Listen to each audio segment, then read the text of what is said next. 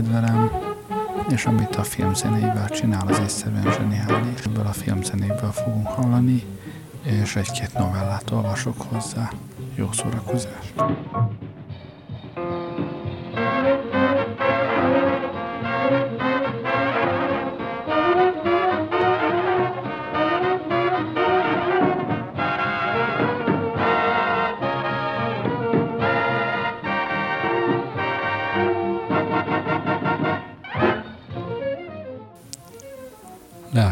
Jelenségek vizsgálata.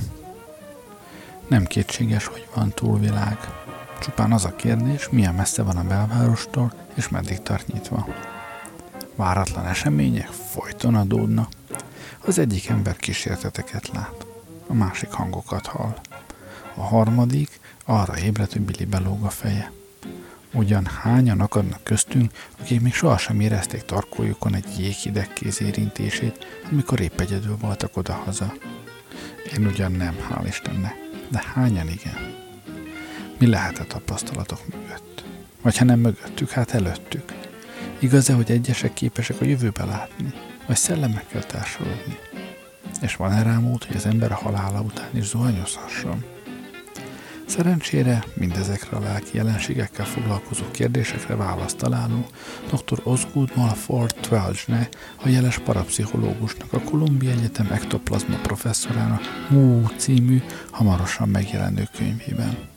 Dr. Twelge a természet fölötti esetek figyelemre méltó tárházát állította össze, mely a lelki jelenségek széles skáláját öleli fel, a gondolat átviteltől egészen addig a bizarr esetig, melynek során a földgolyó két különböző pontján tartózkodó testvérpár egyike bebújt a fürdőkádba, és a másik ugyanakkor hirtelen tiszta lett. A következőben Dr. Twelge legfigyelemre méltóbb eseteit bocsátom közre, az szerző magyarázataival.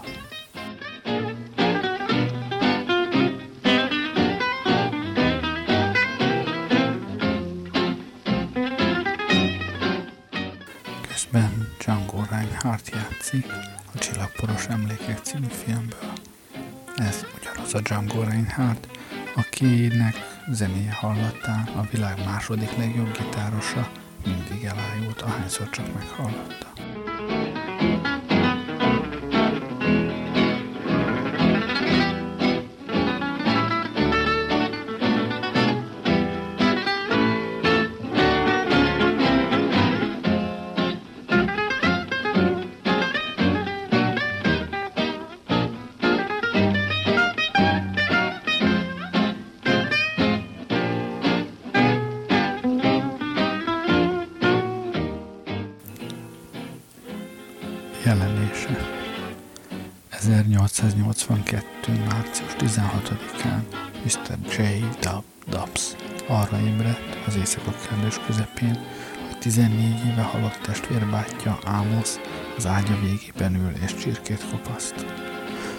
Dubs megkérdezte a bátyját, hogy kerül oda, és az megnyugtatta, hogy ne aggódjé, hiszen már nem él, és csak a hétvégére jött fel a városba. Dubs megkérdezte, milyen a túlvilág, és a bátyja azt felelte nagyjából olyan, mint Cleveland. Azt mondta, azért ért vissza, mert egy üzenetet kell átadni a Dapsnak, mely a következőképpen szól. A sötét kiköltőn és kódkockás zoknival. Öreg hiba. Ebben a pillanatban belépett Dabs lánya, megpillantotta Dabst, amint egy formátlan, tejszerű köddel beszélget, mely vallomása szerint Amos Dabsra emlékeztette, csak valamivel jóképűbb volt nála. Végezettől a kísértet felkérte Dabst, hogy énekeljenek el egy árját a Faustból, amit nagy odaadással meg is tettek. Amikor pirkadni kezdett, a kísértet eltűnt a falban, és Dabs, aki követni próbálta, betörte az orrát. A jelenés jelenség klasszikus példájával állunk szemben, s ha hihetünk Dubs szavaina, a kísértet újból visszatért. Mrs. Dubs pedig székéből felemelkedve az asztal fölött lebegett vagy 20 percig, aztán belepattyant a leveses tálba. Érdemes megjegyeznünk, hogy a szellemek gyakorta hajlamosak pajkos megnyilvánulásokra, ezt E.F. Child a jeles brit misztikus kisebbségi komplexusoknak tulajdonítja, amit azért éreznek, mert már meghaltak. A jelenéseket igen gyakran olyan egyénekkel hozzák összefüggésbe, akik természetelenes módon távoztak az élők sorából. Amos Dubs például titokzatos körülmények között halt meg, midőn egy farmer tévedésből elültette a fehér répa közé.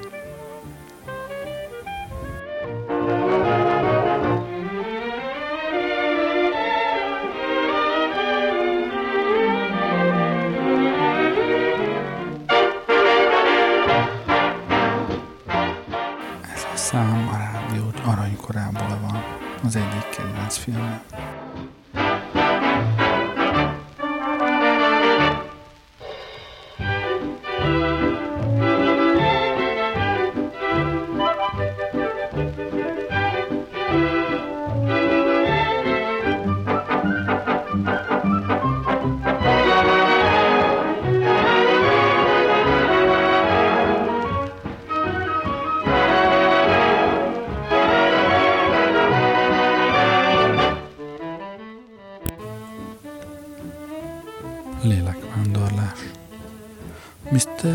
filmem. Sykes számolt be a következő esetről. Üldögéltünk a barátaimmal és süteményt tettünk, amikor egyszer csak éreztem, hogy a lelkem kilép a testemből és elindult telefonálni. Valamilyen oknál fogva a Moszkovic üveggyapott társaságot tárcsázta. Lelkem ezek után visszatért a testembe, és ott megült vagy 20 percig, remélve, hogy senki nem fogja javasolni, hogy játszunk szópókert. Mikor a beszélgetés a pénzügyekre terelődött, ismét kilépett, és kószálni kezdett a városban. Fölkereste a szabadságszobrot, aztán a Radio City Music Hall-ban megnézte a varietét. Ezt követően beült egy kis vendéglőbe, csinált egy 68 dolláros cekket, majd fizetés nélkül távozott. Lelke mekkor elhatározta, visszatér a testembe, de nem kapott taxit. Végül gyalog ment végig az ötödik sugárúton, és még idejében ért haza, hogy együtt nézzük az éjféli híreket. Pontosan éreztem, mikor lépett belém ismét, mert hirtelen végig futott rajtam a hideg, és egy hang megszólalt. Megjöttem. Adjál már egy kis mazsolát. Ez az eset azóta többször is megismétlődött. Egyszer a lelkem Miami-ban töltötte a víkendet, egyszer pedig letartóztatták, mert fizetés nélkül akart távozni a Missy áruházból egy nyakkendővel. Negyedik alkalommal tulajdonképpen a testem lépett ki a lelkemből, bár csak lezuhanyozott és már jött is vissza. A lélekvándorlás közismert jelenség volt az 1910-es évek táján, amikor is igen sok lélek vándorolt céltalanul India környékén az amerikai konzulátust keresve. A jelenség meglehetősen hasonló az átlényegüléshez, ahhoz a folyamathoz, amelynek során az illető személy hirtelen átszellemül, majd a világnak egy egészen más pontján ölt testet. Nem rossz módja ez az utazásnak, bár a csomagokra többnyire fél órát is várni kell.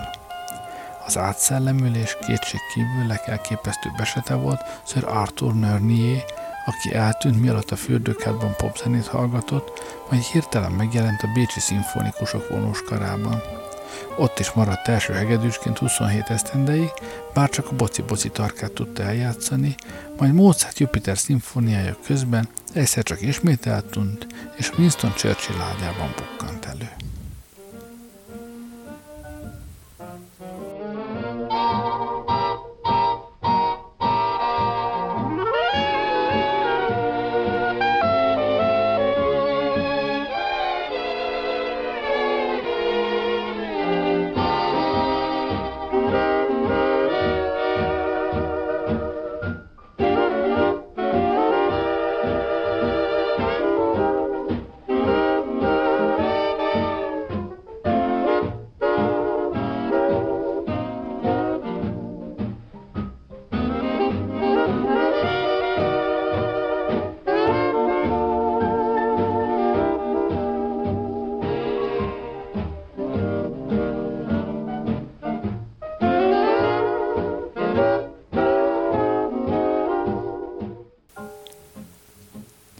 Előérzet.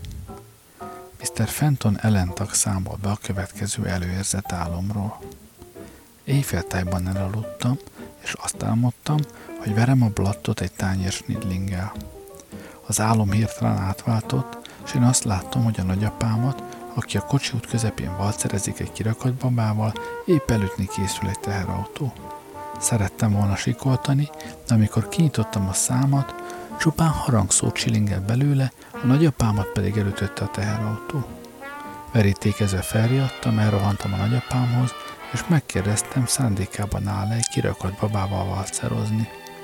Azt felelt, hogy esze ágában sincs, ha bár az megfordult a fejében, hogy ellenségei megtévesztésére pásztornak átszázza magát. Megkönnyebbülve hazamentem, és csak később tudtam meg, hogy az öreg elcsúszott egy csokoládés minyonon, és lezuhant a Chrysler ház tetejéről. Az előérzett álmok túlságosan is gyakoriak ahhoz, hogy tiszta véletlenek tekintsük őket. Példámban valaki megálmodja egy a halálát, és az be is következik. Persze nem mindenki ilyen szerencsés. J. Martinez a Maine állambeli Cannon Bank portból azt álmodta, hogy megnyerte az íróosztály sorsjáték főnyereményét. Amikor fölébredt, kiderült, hogy az ágyát kisodorták a hullámok a tengerre.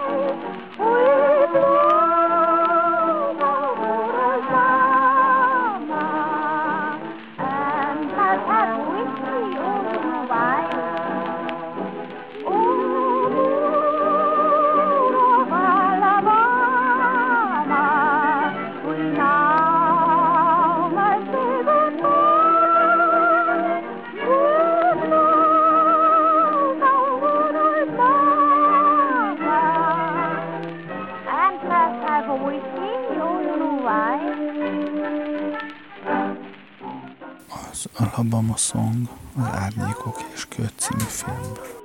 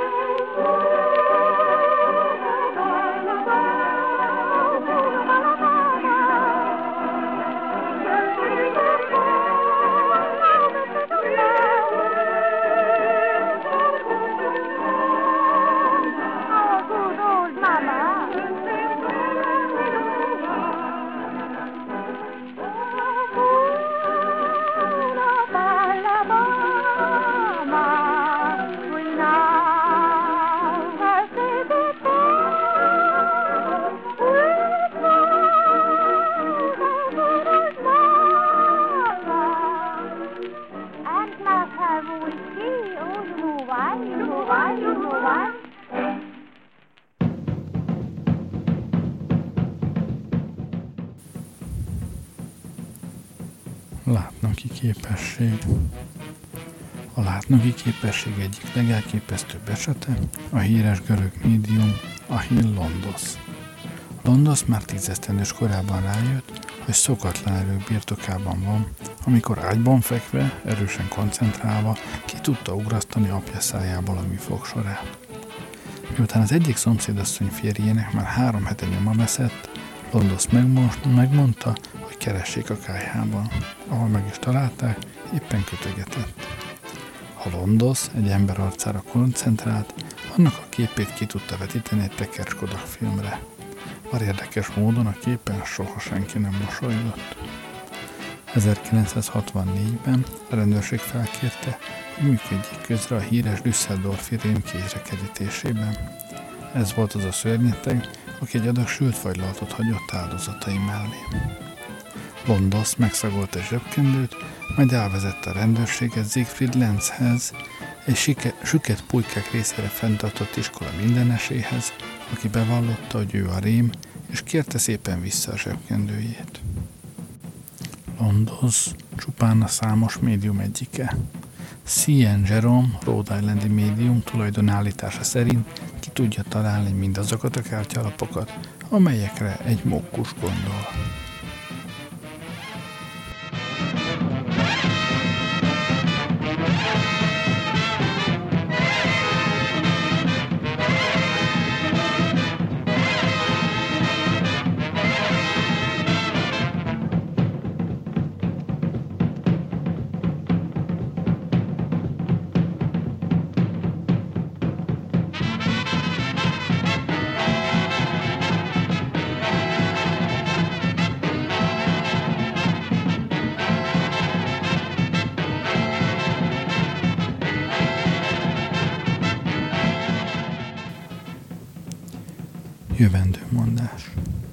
Végezetül eljutottunk Arisztonidishez, a 16. századi grófhoz, akinek jövendőlései a leghitetlenebbeket is mind a mai napig ámulatban tartják.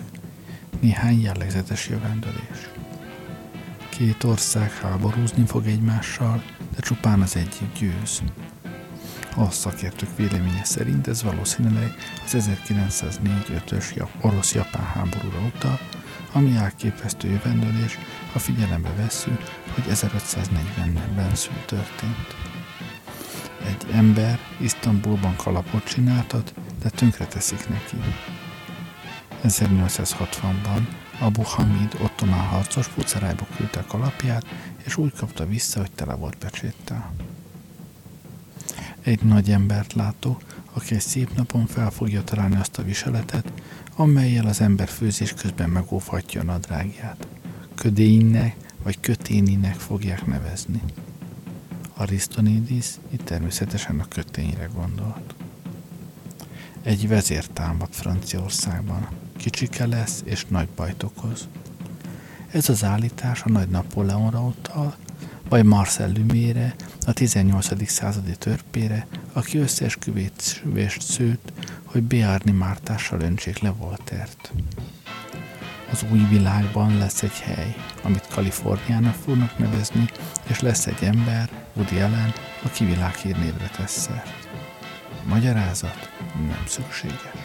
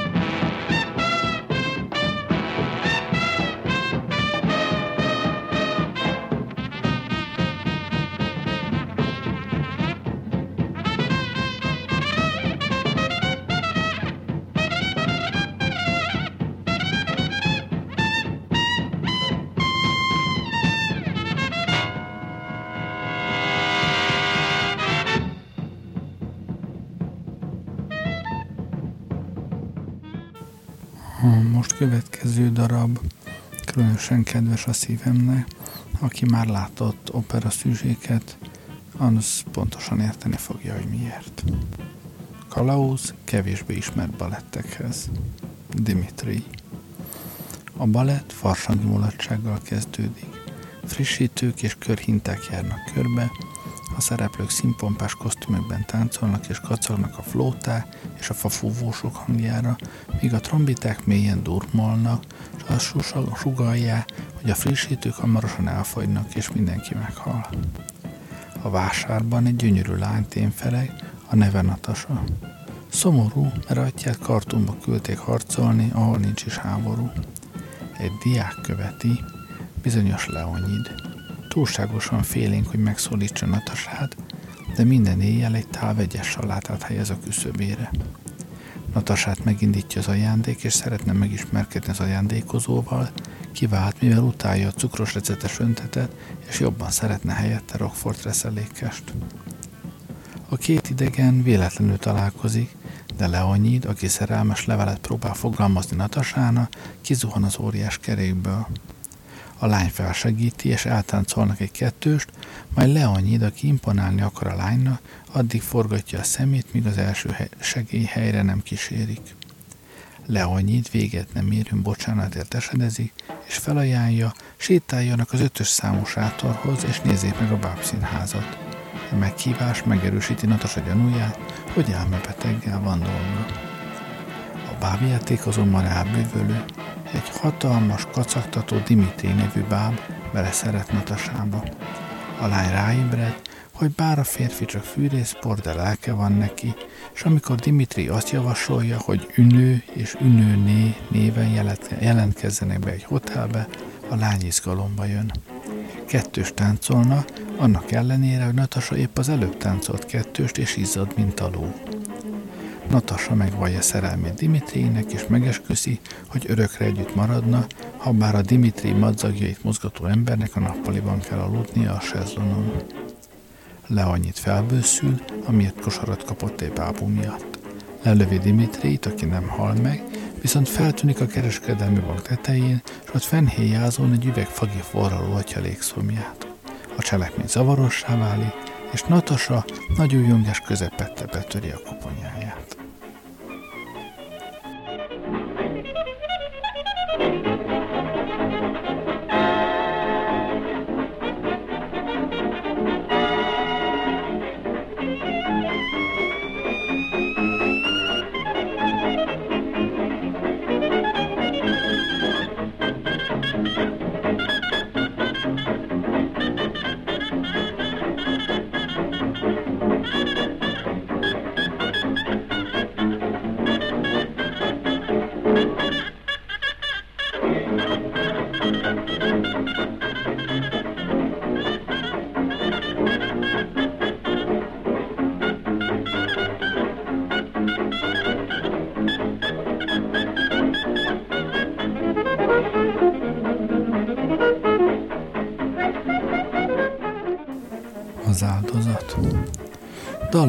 Prelódium beszéli el az ember viszonyát a földhöz, és hogy miért mindig az a vége, hogy az előbbit beletemetik az utóbbiba. Amikor a függöny fölmegy, a színpadon hatalmas, ősi átok földje, sokban hasonlít New Jersey bizonyos részeire. Külön csoportokban férfiak és nők üldögélnek, táncba fognak, de fogalmuk sincs miért, így aztán hamarosan visszaülnek. Egy életet tavasszán járó ifjú lép be, és himnikus táncot lejt a tűzhöz. Hirtelen kiderül, hogy maga is tüzet fogott, miután elaltják, kisonfordál. A színpad sötétbe borul, és az ember párbajra hívja a természetet, a vérpesdítő viadalban megharapják a természet csípejét, erre aztán a következő hat hónapban a hőmérséklet nem emelkedik 13 fok fölé. A második jelenet elején járunk, de a tavasz még mindig nem jött el, holott augusztus végét mutatja a naptár, és senki sem tudja, mikor kell az órákat előreállítani. A törzsvényei összegyűlnek, és elhatározzák, hogy egy hajadon feláldozásával engesztelik ki a természetet. Választanak is egyet. A lány három órát kap, hogy jelentkezzék a város peremén, ahol állítólag laci sütés lesz. Este, amikor odaér, a lány nyomban a Laci után kérdezősködik. A vének elrendeli, hogy táncolja magát halára. Szívszaggatóan könyörög, mondvá, hogy nem tud ő annyira. A falusiak nem tágítanak, s ahogy a zene kérlelhetetlenül árad, a lány őrjöngve pörög, míg csak elegendő centrifugális erőt nem gyűjt, hogy ezüst fogtöméseit átöpítse a futballpálya fölött. Minden körvendezik, ám korai az öröm, mert nem csak, hogy a tavasz nem jön el, a törzskét vényét postai csalás vágyával bíróság elé idézik.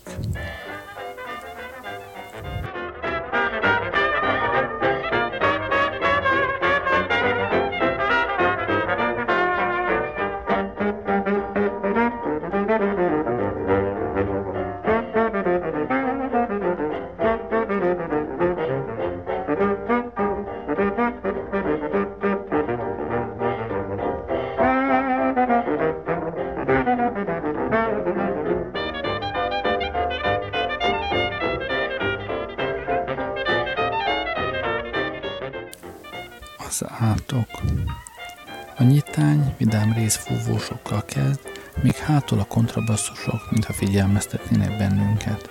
Ne hallgassatok a rézre, mi fenéről tud a réz? Felmegy a függöny, és mi Sigmund herceg káprázatosan ragyogó régi bérű palotájában vagyunk. A herceg 21. születésnapját ünnepli, ám mind csüggettebben bontogatja az ajándékait, ugyanis majdnem mind pizsama. Régi barátai egyenként róják le tiszteletüket, s ő kézrázással vagy hátba veregetéssel üdvözli őket, attól függően, hogy melyik felüket fordítják felé.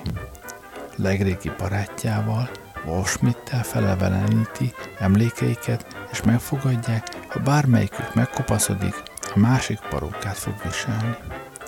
Az együttes vadászatra készülve táncol, míg csak Sigmund meg nem kérdi, miféle vadászatról van szó. Senki sem tudja pontosan, ám a tivornya már túl magasra hágott, és mikor a számlát hozzák, mindenki dübegurul. Az életun Zigmund letáncol a tópartra, ahol vagy 40 percig bámulja a tökéletes tükörképét, és közben bosszankodik, hogy nem hozott magával borotva felszerelést. Hirtelen száncsapásokat hall, egy csapat vadhattyú száll el a hold előtt, az első sarkon jobbra fordulnak, és visszahúznak a herceghez. Zigmund elképedve látja, hogy a vezetőjük félig hattyú, félig nő, sajnálatos módon hosszában elfelezve. Elbűveli Zigmundot, aki gondosan ügyel rá, hogy egyetlen ízetlen viccet se eresszen meg. Kettőst táncolnak, és csak akkor hagyják abba, amikor Zigmund megrányítja a derekát. Ivett, a hattyú hölgy elmondja, hogy átokül rajta, melyet egy von Epps nevű varázsló ültetett rá, és hogy külleme miatt kvázi képtelen bankkölcsönhöz jutni. Egy különösen bonyolult szólótánccal elmagyarázza, hogy az átok feloldásának egyetlen módja, ha szerelme beiratkozik egy titkárnő képző tanfolyamra, és gyors írást tanul. A dolog ugyan nincs Zigmund ínyére, ám megesküszik, hogy megteszi. Hirtelen van Epps jelenik meg, levetett szennyes ruha képében, elbájolja és magával ragadja Ivettet, és ezzel vége az első felvonásnak. Második felvonás. Egy héttel később a herceg épp feleségül készül venni Justint, egy nőt, akit totál elfelejtett. Zigmundot ambivalens érzelmek gyötrik, még mindig szereti a hattyú hölgyet, de Justin is szépséges, és nincsenek kis testi hibái, se tolla, se csőre. Justin csápa táncot le Zigmund körül, a herceg szemmel láthatólag habozik, vajon házasodjon-e, vagy keresse meg Ivettet, hát ha az orvosok tudnak vele csinálni valamit. Robajló cintányérok, és belép von Epps a varázsló. Nem hívták ugyan a mennyezőre, de megígéri, hogy nem eszik sokat. A dühött Zigmund kardot ránt, és szíven szúrja von Eppset. Ez némi árnyékot vet a vigasságra, és Zigmund mamája utasítja a szakácsot, várjon néhány percet, mielőtt feltállalná a marhasültet. Közben Wolf Schmidt Zigmund megbízásából felkutatja az eltűnt Ivettet, nem volt nagy ügy közli, végül is hány félhattyú félnő lóvrál Hamburgban. Zigmund Justin esdeklésére fityet hányva Ivethez rohan. Justin utána szalad és csókolgatja, míg a zenekar moll akkordokat csal elő, és mi rádöbbenünk, hogy az ifjú fordítva húzta fel a trikóját. Yvette zokogva közli, az átok csak az ő halálával szűnik. A balett történet egyik legmeghatóbb és leggyönyörűbb jelenetében fejjel egy téglafalnak roham. Zigmund végignézi, hogyan változik halott hattyúból halott nővé, és rájön, hogy még keserédes is az élet. Kiváltha az ember szárnyas. Bánat gyötrötten határoz, követi szerelmét. Felejthetetlen gyásztáncot lejt, majd lenyel egy kis kézi súlyzót.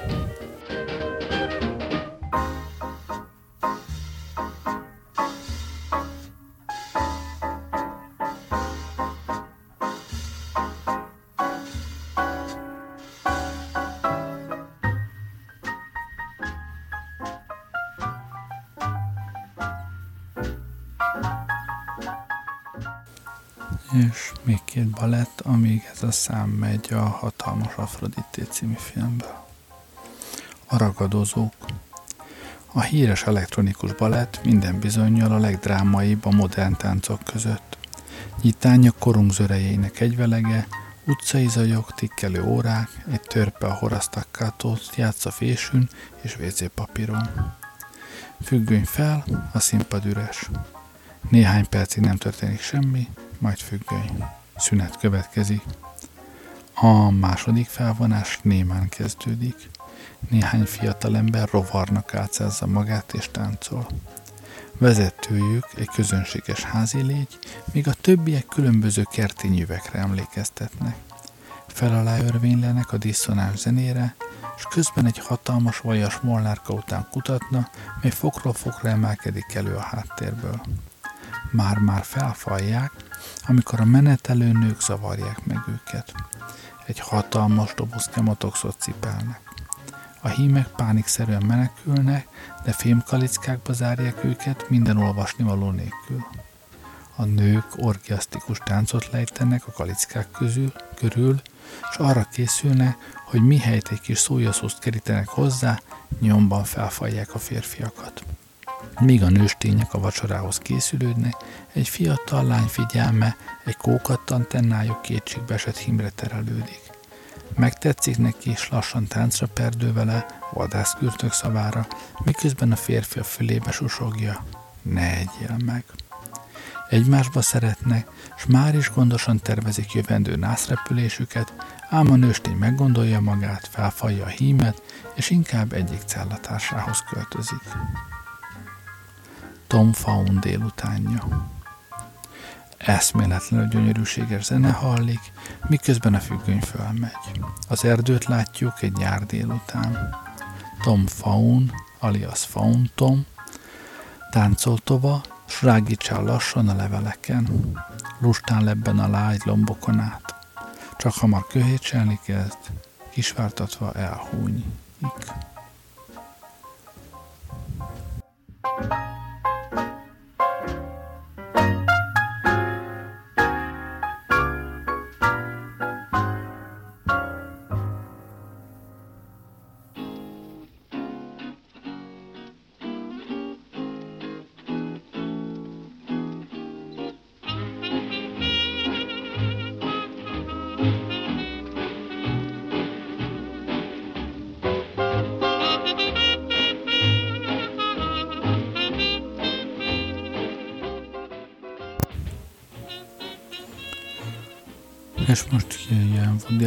Kedvenc témájában a, egy vallásos humoreszk.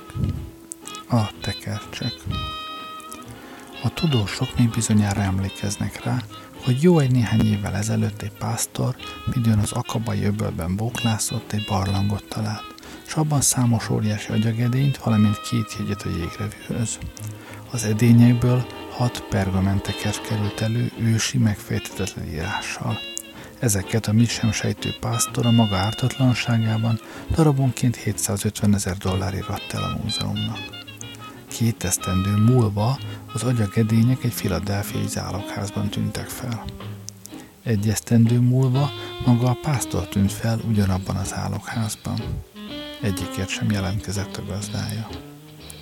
Az archeológusok eredetileg az időszámításunk előtti négyezredik esztendőre datálják a tekercsek keletkezését, vagyis azutánra, hogy az izraelitákat jótevőik lemészárolták. Az írás a sumér, arámi és babilóniai keveréke, és vagy egy ember hosszú időn keresztül végzett munkája, vagy többeké, akik viszont ugyanazt a ruhát viselték. A tekercsek eredeti voltát újabban többen kétségbe vonják, mivel a Chrysler szó többször előfordul a szövegben, és az a néhány töredék, amelyet végre lefordítottak, igencsak különös stílusban tárgyalja a közismert vallásos témákat. A.H. Bauer kutató régész mindazonáltal kijelentette, hogy bár a leletek abszolút hamisításnak tűnnek, mégis valószínűleg a történelem eddigi legnagyobb szabású archeológiai leleteivel állunk szemben, eltekintve attól az esettől, mikor a saját Mangetto gombjai kerültek elő egy jeruzsálemi sír feltárásánál. Az alábbiakban a töredékek lefordított szövegét közöljük. 1.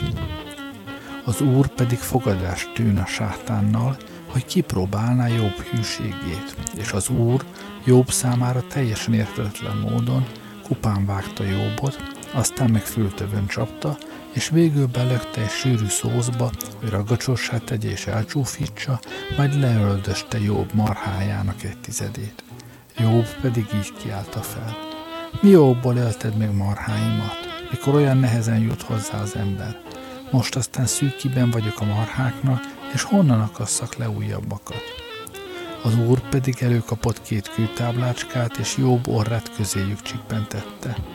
Ezt látván Jobb felesége sírva fakadt, az úr pedig elküldte az írgalom angyalát, aki egy pólóütővel fejbe kolintotta, és a tíz csapás közül reálbocsájtott hatot, egytől hatig bezárólag, és Jobb pipa volt, a felesége dettó, és megszaggatta a köntösét, de megstoppolni nem volt hajlandó és jobb legelői hamarosan kiszáradána, és a nyelve a szájpadlásához tapadt, úgyhogy valahányszor az empiriokriticizmus szót kiejtette, kiröhögték. És egyszer az úr, miközben épp csapásokat mért hűséges szolgájára, véletlenül túlságosan közel ment Jobbhoz, aki elkapta nyakát és mondá. Aha, most meg vagy. Miért sanyargatád Jobbot, mi? No, ki vele? És az úr felele. Izé, te, Erizd már el a nyakamat. De jobb nem könyörült rajta, hanem így szóla. Amíg te meg nem jelentél, jól ment a sorom. Volt mirhám és függefám temérde, és egy tarka kabátom, meg két tarka nadrágom. És most tessék. És mondta az úr, és hangja mennydörgött. Én, aki az eget és a földet alkottam, számadással tartozom én neked az én útjaimról. Te mit teremtettél, hogy engem kérdőre vonni merészelsz? Ez nem válasz, felelé jobb, és ha már annyira mindenhatónak vallod magad, jobb, ha tőlem tudod meg, hogy a tabernákulumot egyellel írják. Majd jobb térdre vetti magát, és így kiállt az Úrhoz. Tiéd az ország, és a hatalom, és a dicsőség. Jó állás, ne bazd el. Kettő. És fölkele Ábrahám az éjszaka közepén, és mondta egyetlen fiának, Izsáknak álmot látték, és az úr hangja azt mondá, hogy áldoztassék fel egyetlen fiam, úgyhogy vedd a gatyádat. És Izsák remege, és mondá. És erre te mit szóltál? Úgy értem, mikor ő kirukkolt a dologgal. Hát mit mondhattam volna, kérdi Ábrahám. Ott állok hajnali kettőkor alsó nadrágban, a világegyetem teremtőjével. Kezdjek el veszekedni? És azt megmondta, miért akar engem feláldozni? kérdezte Izsák atyától. És Ábrahám mondá, a hívők nem kérdeznek. Na induljunk, mert holnap nehéz napom lesz. És Sára, aki hallá Ábrahám tervét feletti bideges lőn, és mondá, és honnét tudod, hogy az Úr mondá, és nem teszem azt egyik fele barátod, aki elhatározta, hogy jól megviccel, hisz az ilyen viccek utálatosak az Úr előtt, már pedig aki rászedi fele barátját, azt az Úr a pokolra küldi, akár fedezni tudja az úti költséget, akár nem. És feleli Ábrahám, mert tudom, hogy az Úr mondá. Mély, zengő, kitűnő minőségű hangja volt, már pedig a pusztában senkinek nem buk így a hangja és sára mondá. És te, Véghez vinni ide ezt a marhaságot? És Ábrahám felelé. Tartok tőle, hogy igen, hisz nincs rosszabb, mint kételkedni az Úr szavában, különös tekintettel az ország jelenlegi gazdasági helyzetére. És Ábrahám elvitte Izsákot egy bizonyos helyre, és hozzáfogott, hogy feláldozza, de az utolsó pillanatban az Úr megállítta Ábrahám kezét, és mondá, hát lett volna szíved megtehetni. És Ábrahám felelé, hisz te mondád, na és ha én mondám, szóla az Úr, te meg rögtön beugrasz minden marhaságnak. Ábrahám pedig röstelkedik. Izé, nem egészen. Én viccesen javaslom néked, hogy áldoznád fel Izsákot, te meg mindjárt rohansz is. És Ábrahám térdre borula, az a helyzet, hogy sose vagyok benne, mikor tréfálsz. És az úr mennydörgé, semmi humorérzéke, hihetetlen. De hát nem bizonyítja én, hogy szeretlek, hogy hajlamos voltam odadni egyetlen fiamat, hogy eleget tegyek a te szeszélyednek. És az úr felelé. Csak azt bizonyítja, hogy egyesek minden szomárságra hajlandó, ha egy zengő, jó minőségű hangtól kapják az utasítást. És ezzel az úr pihennék küldi Ábrahámot, és meghagyják, hogy másnap ismét jelentkezzék. 3. És úgy esett, hogy egy emberre, aki ingeket árult, nehéz idők jártak. Sem az árói nem voltak kelendők, sem az üzlet nem virágzott. És ő imádkozott, és mondta, Uram, miért bocsátál rám ekkora szenvedést? Összes ellenségeim eladják az ő portékájukat, csak én nem. Pont most, a szezon közepén. Az ingéim jófélék, nézd ezt a nylont. Van közte előgombolós, nyitott nyakú, egyiket se viszi. Pedig én megtartottam a te parancsolataidat. Miért nincs meg nekem a megélhetésem, mikor az öcsém százezreket vág zsebre a gyerekruha konfekcióban? Az úr pedig meghallgatta az embert, s mondá, ami az ingeidet illeti, hallgatlak, uram, mondta az ember, és térdre borult. Tegyél egy krokodilt a zsebek fölé. Hogy mondod, uram? Csak tedd, amit mondok, nem fogod megbánni és az emberek kis krokodilt vart mindegyik ingre, és ími a portékáját vinni kezdték, mint a cukrot, és ő örvendezett nagy örvendezéssel, ellenségei között pedig volt sírás és fogoknak sikorgatása, és egyikük mondá, az úr irgalmas, sejmes fűre fektet engem, a baj csak az, hogy nem tudok fölkelni. Törvények és példabeszédek. A bűnözés törvénybe ütköző cselekedet, kép, ha partedliben követik el. És együtt fekszik majd az oroszlán és a borjú, de a borjú nem fog jól aludni. Akivel nem végez kard vagy éhínség, azt elviszi a dögvész, úgyhogy kár is megborotválkozni. A született gonoszok bizonyára tudnak valamit. Aki szereti a bölcsességet, az igaz ember az Úr előtt, aki viszont szárnyassal kínálja a vendégeit, az lehetetlen fráter. Ó, Uram, ó, Uram, mit csináltál már megint?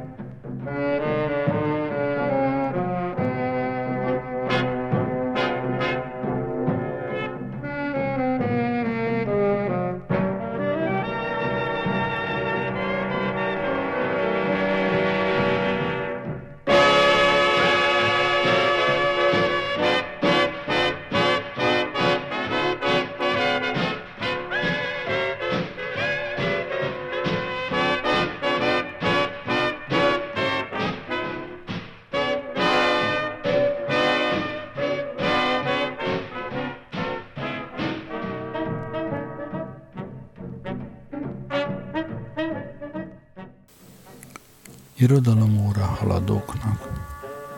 Kérdezd csak meg az átlagembert, hogy ki írta a Hamlet, a Rómeó és Júlia, a Lír király és az Otello című darabokat, és szinte biztosra veheted, hogy az esetek többségében ez lesz a felelet, az Avon Party Stratford halhatatlan bárgya.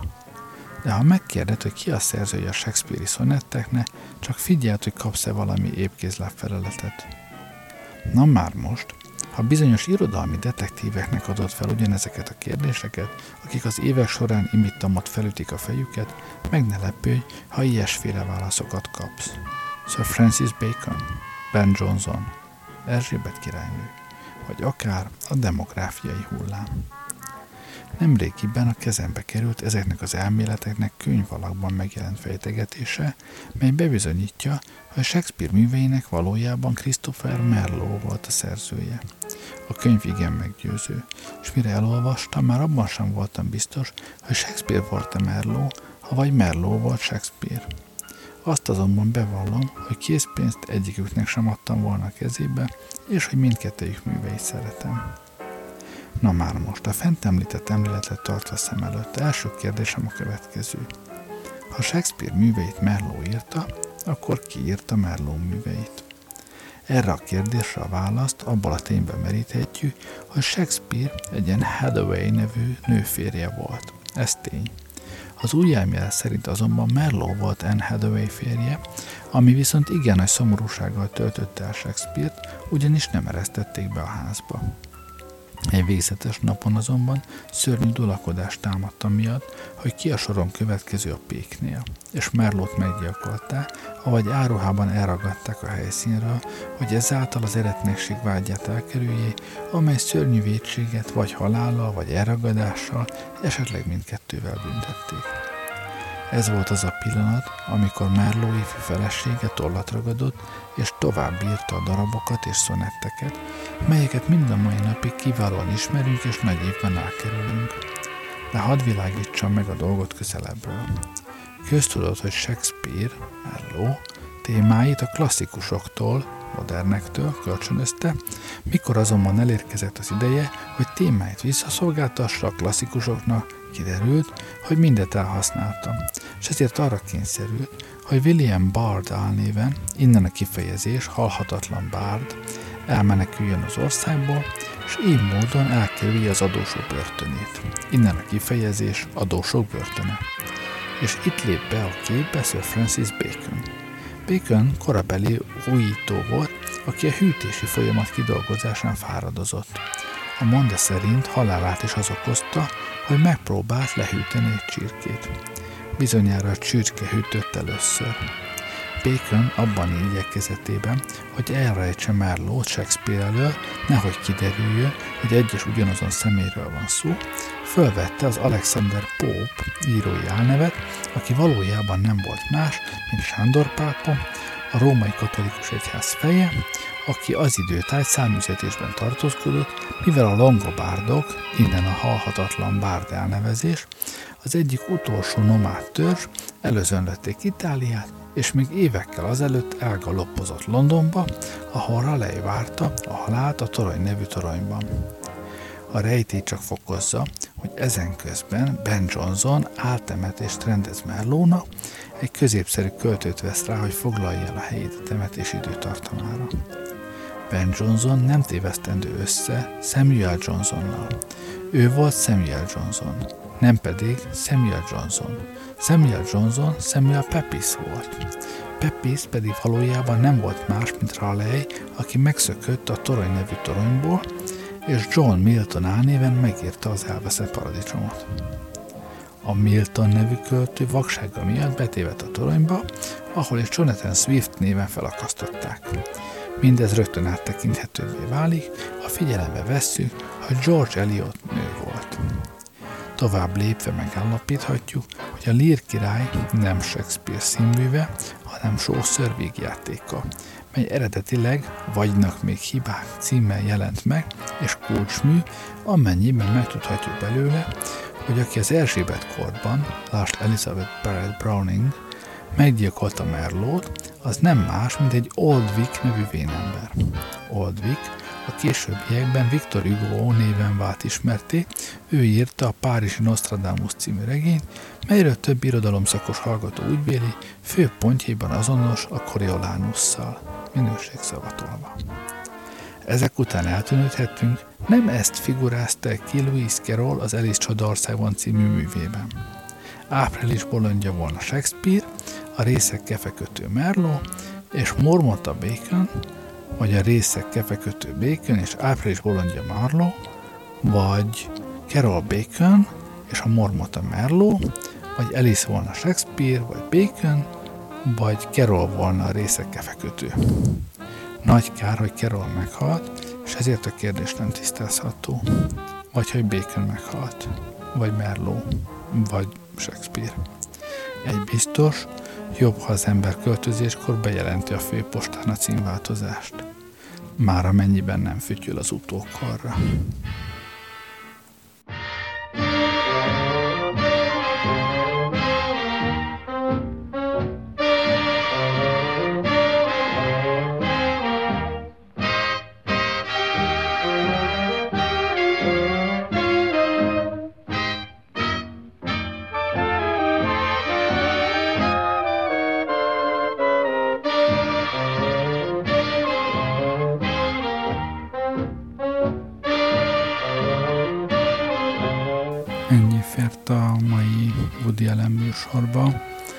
Illetve még hátra van két száma Ige I Love You című szerintem zseniális filmből. Annyira szeretem ezt a fajta zenét, hogy um, úgy döntöttem előrukkolok azzal a hónapok óta um, dédelgetett tervemmel, hogy még mielőtt a komoly zenei sorozaton véget érne, azzal párhuzamosan elindítok egy a könnyű zenei sorozatot is, ami a hangrögzítés kezdetétől indulva haladna végig a könnyű zene gyökerein. Azt már most megígérhetem, hogy a könnyű zenében azért a 40-es, 50-es évek túl biztos, hogy nem fogok jutni. Minden esetre mára ennyi volt. Köszönöm, hogy velem voltatok ma este. Gerlei rádiózott. Jó éjszakát! I'm with love, I'll never fall again. Said adieu to love, don't ever call again. For I must have you or no one. And so I'm through with love. I've locked my heart, I'll keep my feelings there. I've stocked my heart with icy frigid air, and I mean to fall for no one because I'm through with love. Why did you leave me think you could care? You didn't need me cause you had your share of friends around you to hound you and swear with deep emotion, devotion to you. Goodbye to spring and all it meant to me. It could never bring the thing that used to be, for I must have you or no